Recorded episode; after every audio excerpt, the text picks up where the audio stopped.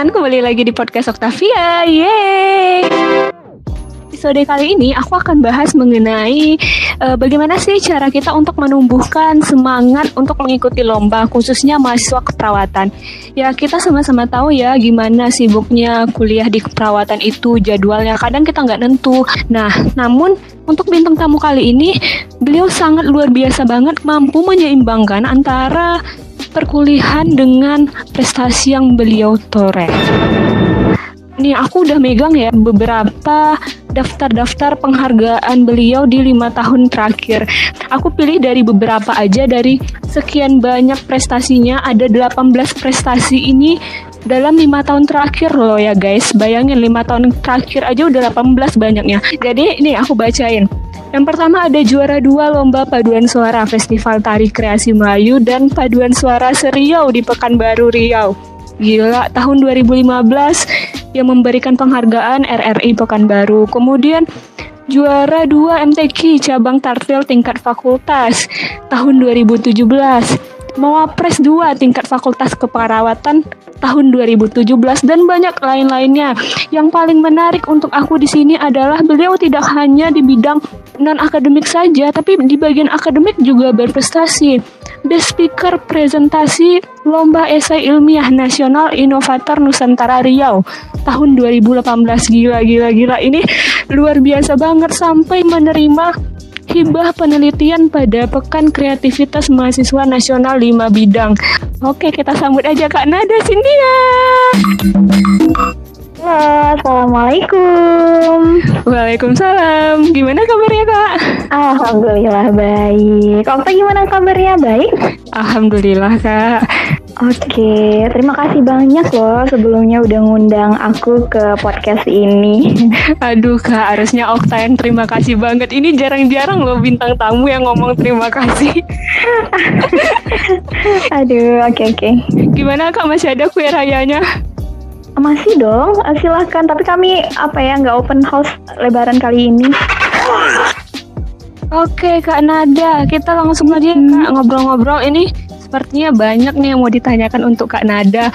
Kak Nada, oh, okay. mau nanya dari sekian banyak prestasi kakak, Iya. Dari mana sih kakak dapat info lomba-lomba ini? Contohnya kayak ada juara juara dua cipta permainan kreativitas edukatif dan informatif pada ajang kreativitas remaja tingkat kota Pekanbaru dari BKKBN.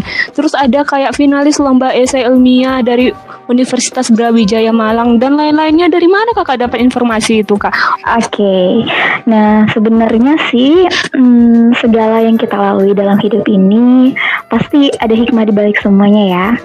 Nah termasuk ketika aku mengikuti organisasi dan juga mengikuti kompetisi. Sebenarnya antara uh, organisasi dan kompetisi kalau aku boleh nyinggung itu hal yang saling terikat satu sama lainnya. Jadi bagi aku itu nggak bisa dipisahkan karena kenapa? aku dapat informasi tentang lomba-lomba itu kebanyakan dari relasi. Jujur aja, perlombaan pertama kali yang aku ikutin itu adalah lomba tarik suara yang dimulai ketika aku dapat tawaran saat mulai tergabung di dalam organisasi kampus. Next, berlanjut ke event lainnya dalam hal akademis yang juga bermula dari relasi seorang senior yang sama-sama alumni Ikatan Mahasiswa Berprestasi Universitas Riau.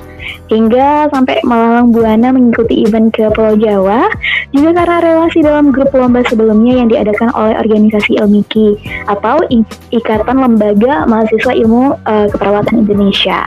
Tapi um, bagi teman-teman yang pemula mungkin jangan sedih karena kita bisa akses event event-event tersebut melalui website lomba.id misalnya atau juga di IG banyak tuh tinggal search aja at event hunter dan dari sana teman-teman bakalan banyak nemuin berbagai jenis lomba yang diinginkan seperti itu kira-kira. Wow, luar biasa ya jawabannya lancar banget mengenai organisasi tadi aku lupa nih ngejemputin organisasi Kak Nada Hmm. Yang diikuti oleh Kanada, organisasi ini sangat luar biasa loh jabatannya ya teman-teman. Mulai dari tergabung di Himpunan Mahasiswa Keperawatan Universitas Riau menjabat sebagai Sekdiv Seni dan Olahraga pada tahun 2016 sampai 2017. Kemudian bergabung di BEM Keperawatan Universitas Riau menjabat sebagai wakil sekretaris umum. Wow gila gila gila. Aku jadi hmm. insecure. Aku jadi insecure loh kan. Oh, dan, dan prestasi kayak gini. 2017 2018 jabatannya. Kemudian menjabat juga di Organisasi Ikatan Lembaga Mahasiswa Ilmu Keperawatan Indonesia, jabatan sebagai pengurus harian wilayah 1. Dirjen Pengembangan Sumber Daya Manusia pada tahun 2018 sampai 2020.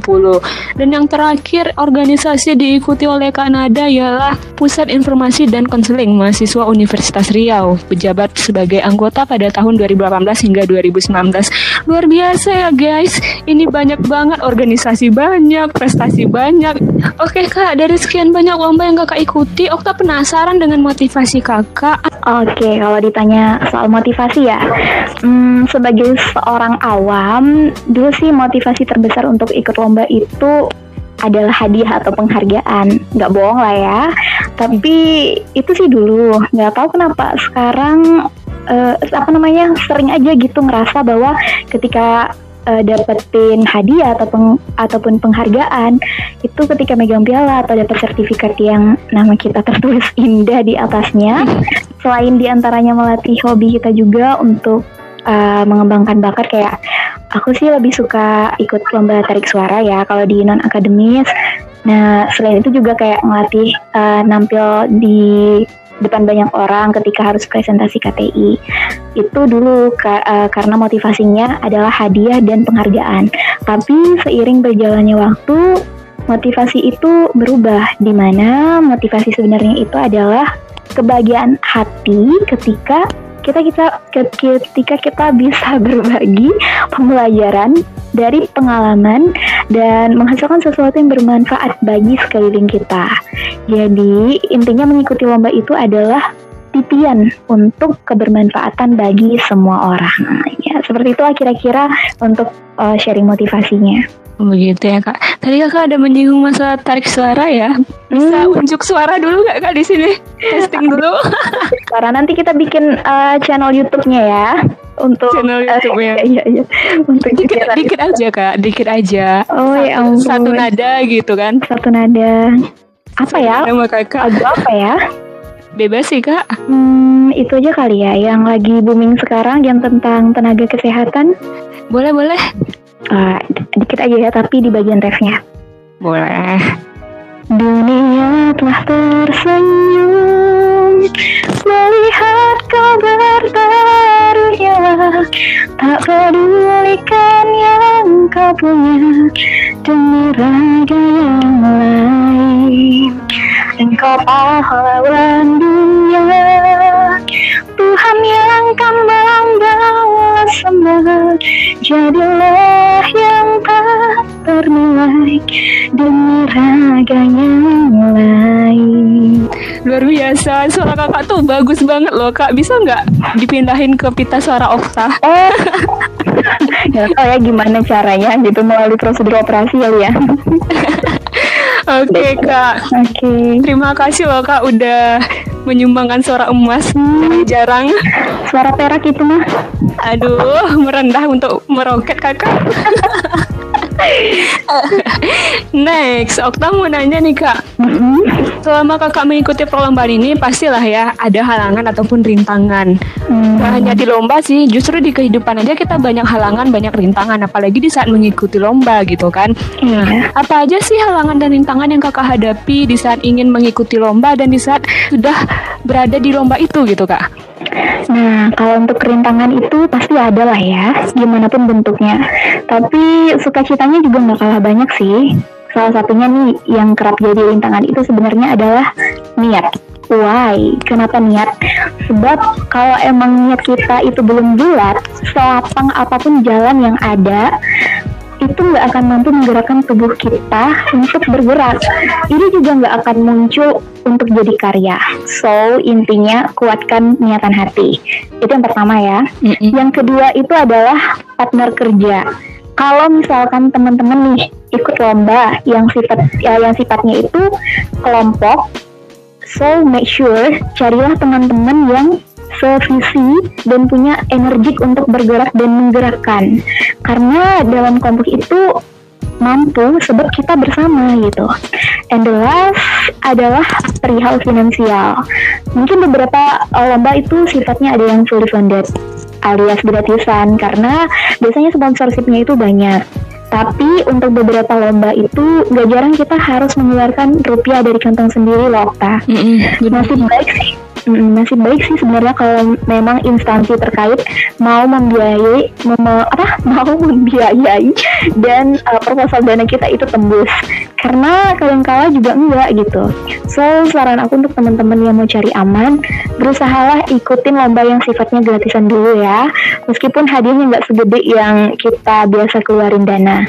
Terus cara yang kedua adalah mensiasatinya dengan buat proposal sesegera mungkin setelah kita mendaftar uh, uh, perlombaan itu dan sebar ke instansi terkait serta berusaha untuk saling melobi dengan baik pihak atasan dengan meyakinkan bahwa ini loh Pak, Bu, dengan hasil yang saya dapat dari perlombaan nanti itu kontribusinya besar bagi kampus kita gitu. Jadi sebisa mungkin kita untuk uh, meyakinkan Bapak, Ibu, uh, apa namanya petinggi kita di kampus seperti itu kira-kira. Jadi itu teman-teman Kak Nada udah sekalian sharing tuh udah dikasih tahu sama Kak Nada gimana cara mengatasi uh, dari rintangan dan halangan kita. Salah satunya misalnya masalah dana ya yang pasti di mana-mana selalu menjadi halangan kita dalam mengikuti perlombaan. Ya dengan Iya, benar banget. Oke. Okay. Uh, eh, selanjutnya Kak Nada kadang bagaimana sih tips kakak untuk menumbuhkan kepercayaan diri uh, untuk dapat mengikuti lomba? Kadang gini kak Nada lomba ini udah hmm. ada udah di depan mata gitu kan kak. Kita tahu yeah. kita tahu kapasitas dia itu ada gitu. Justru dia yang nggak mau ikut. Aku nggak nggak pede. Aku takut ntar pesaingnya lebih bagus daripada aku. Aku takut kalah dan lain sebagainya. Nah itu gimana cara kita menumbuhkan kepercayaan diri kita kak? Insecure gitu ya? Yeah, insecure. Aduh gini deh. Uh, kita tarik satu kata mutiara. Mata pisau akan semakin tajam jika sering diasah. Nah, begitu juga dengan kepercayaan diri. Untuk dapat tampil maksimal, sebenarnya bagi aku sendiri itu butuh jam terbang yang tinggi untuk menaklukkannya. Ini untuk yang maksimal ya. Uh, jangan pernah malu untuk belajar pada ahlinya dan latihan terus, jangan menyerah. Selain itu, kita juga perlu berteman dan punya relasi orang-orang sevisi yang ingin maju sehingga kepercayaan diri kita itu insya Allah akan tumbuh dengan sendirinya. Di sisi lain, ada beberapa orang yang kadang juga menaikkan level percaya dirinya itu dengan membandingkan uh, kebisaannya dengan orang lain. Misalnya, aduh gue gue menang loh juara satu, eh lo apaan sih gitu kan? Hmm. Tapi itu nggak aku saranin ya, sebab hal tersebut justru akan membuat kita menjadi orang yang congkak seperti itu. Hmm, congkak itu apa sih kak? Kita nggak tahu loh kak. Uh, itu congkak itu permainan yang pakai buah-buah biji-biji. betul betul. Enggak congkak itu maksudnya sombong, tinggi hati gitu. Oh gitu. Ternyata kak Nada nih selain berprestasi juga rendah hmm. hati ya mampu berbagi, berbagi kisah ke kita semua loh. Enggak kadang gini loh kak, ada mereka yang udah udah level tinggi dalam mengikuti lomba tuh udah banyak gitu kak. Cuman dia kadang ada yang pelit ngasih informasi. Aku nggak mau lah ngasih informasi ntar aku ada pesaingnya gitu. Kan ada juga yang seperti itu kak. Oh ya oke. Okay. Itu sih nggak boleh ya karena sama sih kayak prinsipnya orang berdagang semua itu ketika kita buka toko uh, lalu yang di tetangga di sebelah kita juga buka toko B. Sama-sama cari nafkah itu rezeki kan dari Allah gitu. Sama kayak kita uh, bersama-sama berprestasi. Ngapain kita perlu kayak ya nanti dia ikut-ikutan juga dan juara kayak aku gitu nggak boleh gitu. Benar-benar kak setuju kak hmm. semuanya udah diatur ya kan kak Iya bener banget Kanan Okta kepo nih kak Dengan kesibukan kakak di kuliah keperawatan Kan kita tahu ya kak kuliah keperawatan tuh sangat sibuk sekali Jadwal kuliah pakar Jadwal tutorial yeah. Jadwal skill lab Itu kita nggak bisa untuk meninggalkan jadwal tersebut gitu kan kak Bagaimana yeah. sih cara kakak untuk menyeimbangi Antara kesibukan kuliah Dengan prestasi-prestasi yang kakak toreh ini Oh gitu. Uh, hal tersebut sebenarnya udah pernah dibahas kan di podcast sebelumnya Okta tentang apa sih itu uh, keperawatan ya kan Okta? Sudah sudah. nah kalau aku sendiri sih pada prinsipnya kuliah first, even later. Jadi ibaratnya kuliah itu yang menjadi hal pertama dan kegiatan event-event itu adalah kemudian gitu. Uh, di antara dua hal, kita harus prioritaskan satu di antaranya. Jangan kayak kacang lupa kulitnya kasihkan lomba, eh malah keteteran di akademik. Seolah kita tuh lupa bahwa dari jenjang kuliah lah loh yang mengantarkan kita pada kejayaan kompetisi. So, tetap ya teman-teman, akademik itu nomor satu dan pelengkapnya adalah pencapaian lomba. Lomba. Kalau memang ada di deadline kampus, ya segerakan dulu kerjaan kampus. Tapi sayangnya itu sebagai event hunter, kita memang nggak punya banyak waktu kongko-kongko kayak kebanyakan orang-orang lainnya. Nah, kadang juga sering sih merenung sendiri, kapan ya bisa hang, hang out kayak teman-teman yang lain gitu, atau kapan ya bisa ikut belajar kelompok bareng kayak mereka. Tapi please teman-teman, jangan ngiriin hal itu, karena hanya akan membuat kita menjadi down. Untungnya sih kalau aku sendiri itu tipe ambivert, sometimes bisa menyendiri mengerjakan tugas kuliah dan belajar ujian mingguan. Baru setelah itu lanjut menggarap ide lomba. Dan satu lagi Okta, mm-hmm. kita kuliah di keperawatan itu kan jadwalnya padat. Nah, sebisa mungkin kita itu harus menyeimbangkan ketika uh, jadwal lomba itu tabrakan dengan jadwal perkuliahan kita harus mewanti-wanti nih dengan sepucuk surat cinta. Sepucuk surat cinta untuk dosen tersayang. Jangan pernah berani sekali-kali bolos untuk lomba. Go away. Sebagai kampus kesehatan itu nggak ada toleransinya loh. Meskipun pulang dari lomba, kamu tuh nyabet ranking satu. Jadi usahakan untuk main aman ya teman-teman. Minta selalu dari pihak penyelenggara itu yang namanya LOA atau letter for acceptance. Itu kayak sejenis uh, surat yang mana surat itu berisi pemberitahuan bahwa si A ini resmi mengikuti lomba kami dan harus uh, melaksanakan lomba ini pada jam segini uh, tanggal segini gitu. Jadi surat resmi dari si pihak penyelenggara lomba. Nah, dengan alasan itu kita bisa menyertakan untuk mengurus surat ke kampus di kemudian harinya. Jadi kamu bakalan dapat jatah libur dan nilai kita itu tetap aman bahkan hingga lima hari perjalanan loh. Kayak waktu itu ya aku boleh sharing uh, insiden waktu lomba di Jawa Timur. Jadi ceritanya pas mau transit pesawat kami itu harus delay setengah harian lebih di Jakarta. Dan akhirnya nambah jatah libur jadinya. Gini kak. Kadang kan kak mereka ini karena banyak banget nih yang halangan dan rintangan yang harus dilewati ngurus surat izin lah lain sebagainya gitu kan. Itu kan mm -hmm. semua orang mampu untuk bertahan dalam menghadapi uh, situasi seperti itu kan kak kadang ada orang yang sebelum lomba gitu baru dalam mengurus mhm. surat perizinan ah udahlah males lah ribet banget gitu kalau kayak gitu gimana oh. tanggapan kakak nah jadi itu kita balik lagi ke poin yang pertama bahwa jangan menyerah teman-teman. Kalau rintangan itu pasti ada ya, kayak yang aku bahas dari pertanyaan sebelumnya. Rintangan itu pasti ada, tapi sebisa mungkin kita jangan goyah karena hanya oleh beberapa rintangan-rintangan yang ada. Toh nantinya setelah kita bisa melewati rintangan tersebut, kita akan mendapatkan hasil yang uh, mumpuni, hasil yang setimpal dengan apa yang telah kita lakukan selama kepengurusan lomba tersebut gitu. Hmm, benar benar benar. Tadi kakak ada bilang kak masalah menggarap ide lomba, itu kapan aja sih jadwal kakak dalam menggarap ide lomba? Um, kalau boleh sharing, untuk sekadar menggarap lomba itu random sih. Nggak mesti kayak ditentuin jadwalnya jam segini atau jam segini. Tapi asalkan ada waktu luang atau misalnya lagi muncul ide-ide nih ah searching dulu deh tentang eh, lomba-lomba yang ada siapa tahu ada yang lagi gratisan nih. Nah gitu aja sih.